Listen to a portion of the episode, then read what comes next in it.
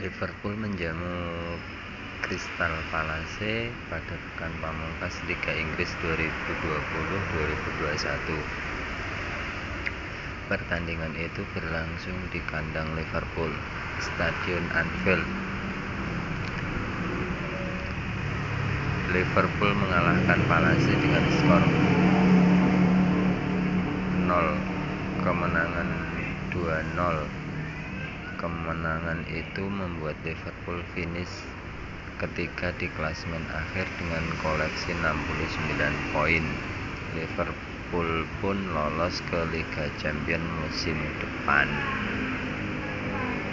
Liverpool memulai babak pertama dengan tidak terlalu baik karena berada di bawah tekanan Palace. Akan tetapi, The Red julukan Liverpool perlahan-lahan bisa balik menekan tim tamu